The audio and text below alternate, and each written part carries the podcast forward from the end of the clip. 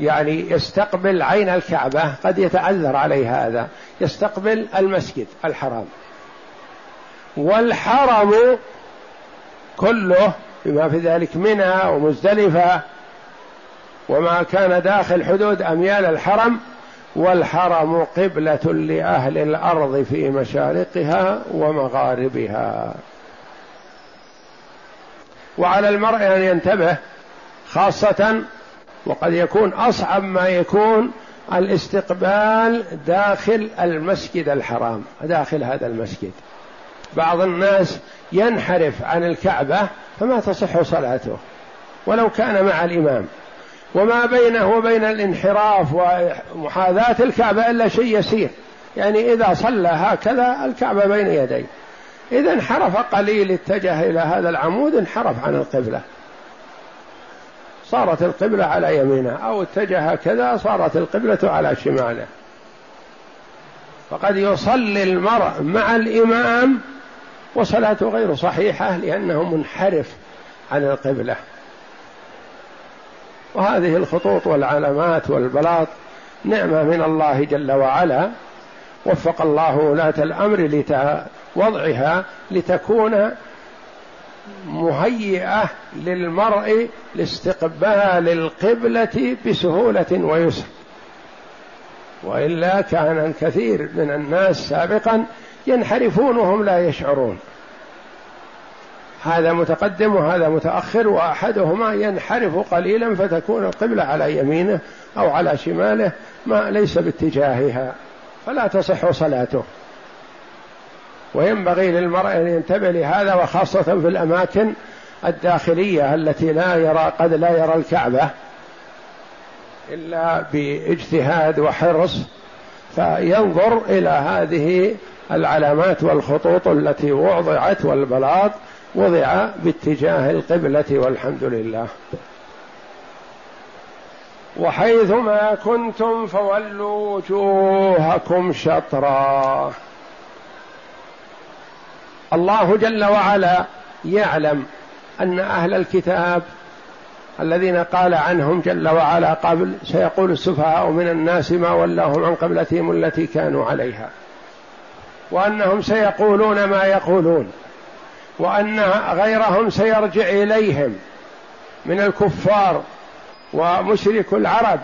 يقولون ما دام هؤلاء العلماء أهل المدينة اليهود مخطئون لمحمد في جهته وقبلته فهو أكيد على خطأ. لأن مشرك قريش كانوا إذا أشكل عليهم أمر من الأمور أرسلوا بعث من مكة إلى اليهود يسألونهم. عن كذا وعن كذا ويسألونهم ماذا نقول لمحمد وماذا نقول لمحمد. فيعطونهم الأسئلة التي يظنون أنها معجزة فيأتي الوحي من الله جل وعلا بالجواب. يسألونك عن الروح قل الروح من أمر ربي.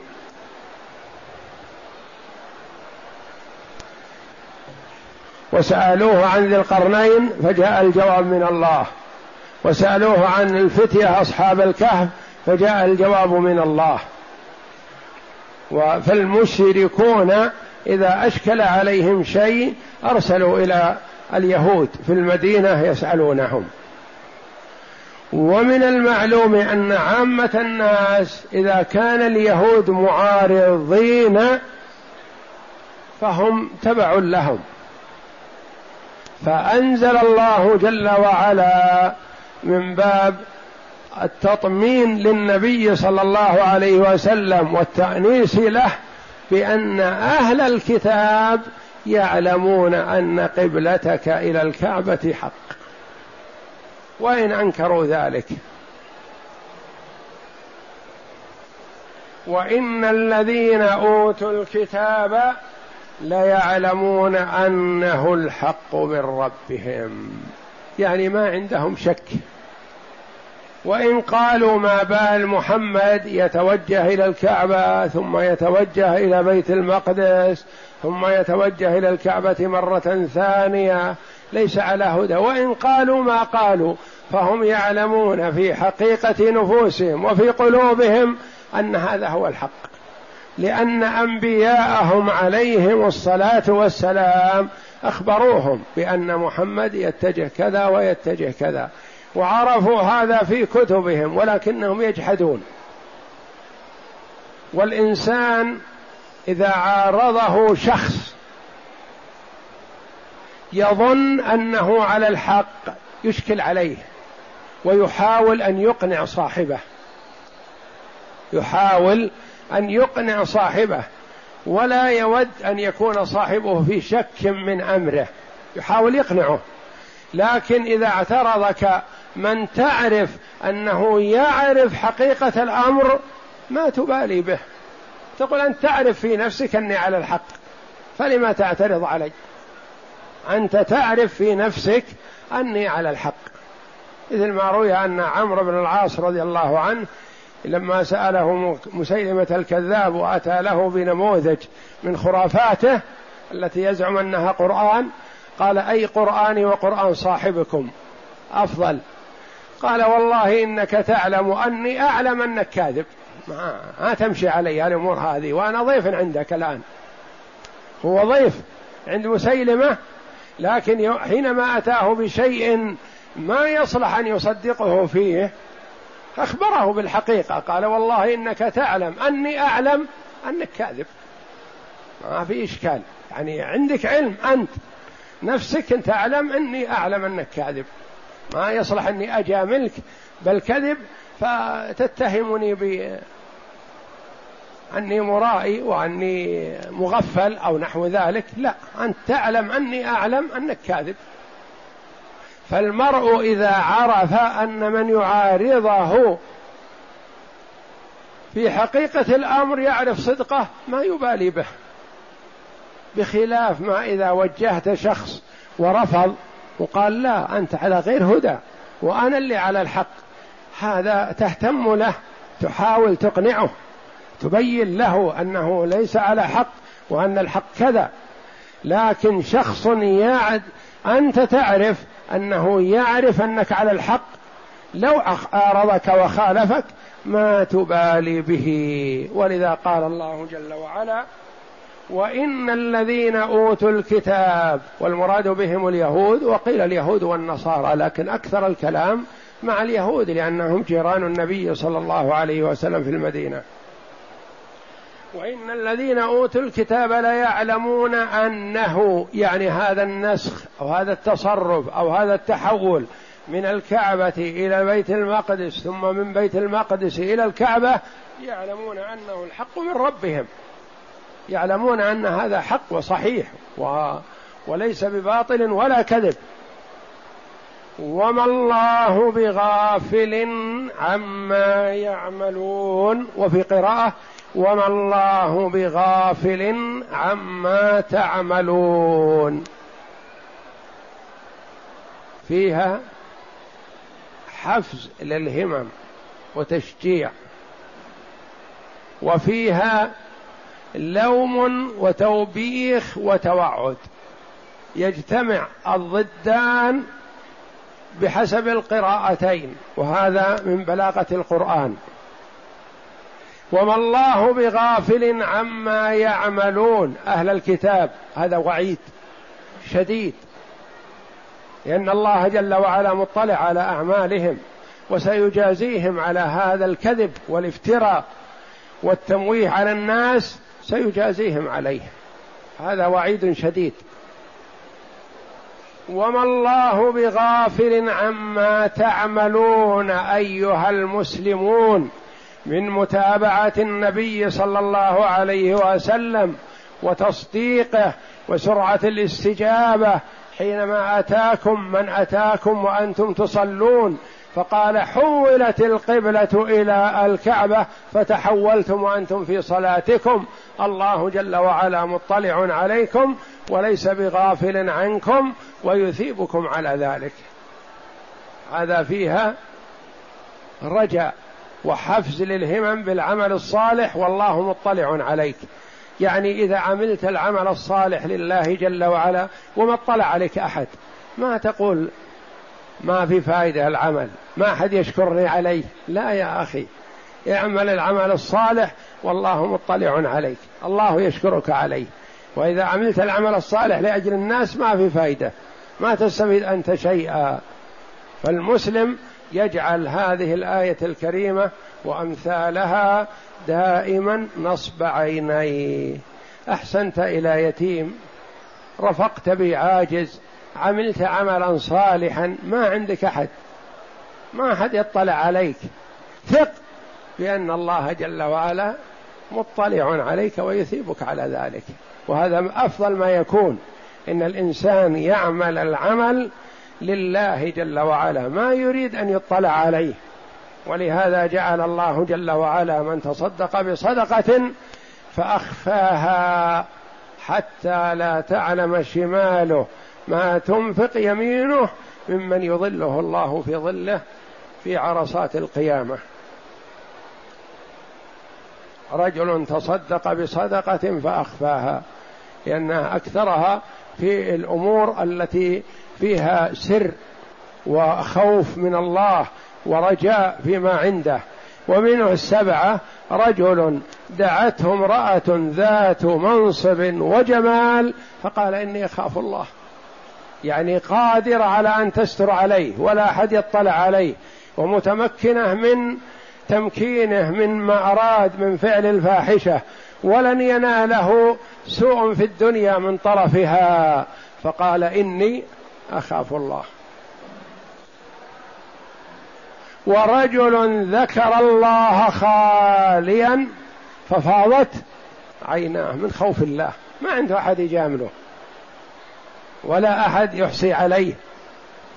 ذكر الله خاليا ففاضت عيناه. وما الله بغافل عما تعملون. قراءتان سبعيتان. وما الله بغافل عما تعملون. وما الله بغافل عما يعملون. وعيد وبشارة. تخويف وإناس وإدخال للسرور. وحفز للهمم في مواصلة العمل الصالح فالله مطلع عليه. اقرأ. قال ابن عباس رضي الله عنه كان أول ما نسخ من القرآن القبلة وذلك أن رسول الله صلى الله عليه وسلم لما هاجر إلى المدينة وكان أكثر أهلها اليهود فأمره الله أن يستقبل بيت المقدس ففرحت اليهود فاستقبلها رسول الله صلى الله عليه وسلم بضعة عشر شهرا وكان يحب قبلة إبراهيم فكان كلمة بضعة يعني من ثلاثة عشر إلى تسعة عشر. و وهي كما جاء في الأحاديث الصحيحة ستة عشر أو سبعة عشر شهرا لأن هجرته صلى الله عليه وسلم وصوله إلى المدينة في ربيع الأول. وتحويل القبلة في رجب في منتصف رجب. فاللي قال ستة عشر أخذ النصف الأخير من ربيع الأول مع النصف الأول من رجب فصارت ستة عشر. ومن قال سبعة عشر اعتبر ربيع الأول ورجب وما بينهما سنة وما بين الشهرين فصارت سبعة عشر. ربيع الأول وربيع الثاني وجماد الأولى وجماد الثانية ورجب خمسة واثنى عشر شهر السنة سبعة عشر شهر. إذا حذف النصف الأول من ربيع الأول والنصف الثاني من رجب صارت ستة عشر.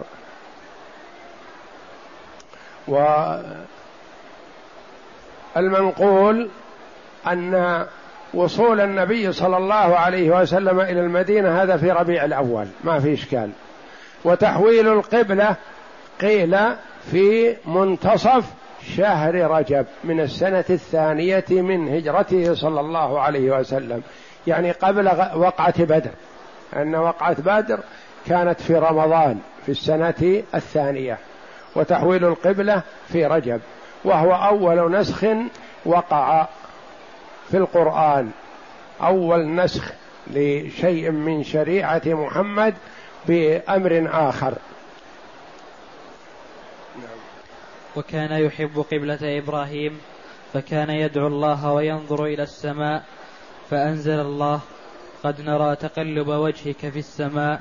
إلى قوله فول وجهك شطر فولوا وجوهكم شطره. فارتابت من ذلك اليهود وقالوا ما ولاهم عن قبلتهم التي كانوا عليها قل لله المشرق والمغرب. وقال فأينما تولوا فثم وجه الله.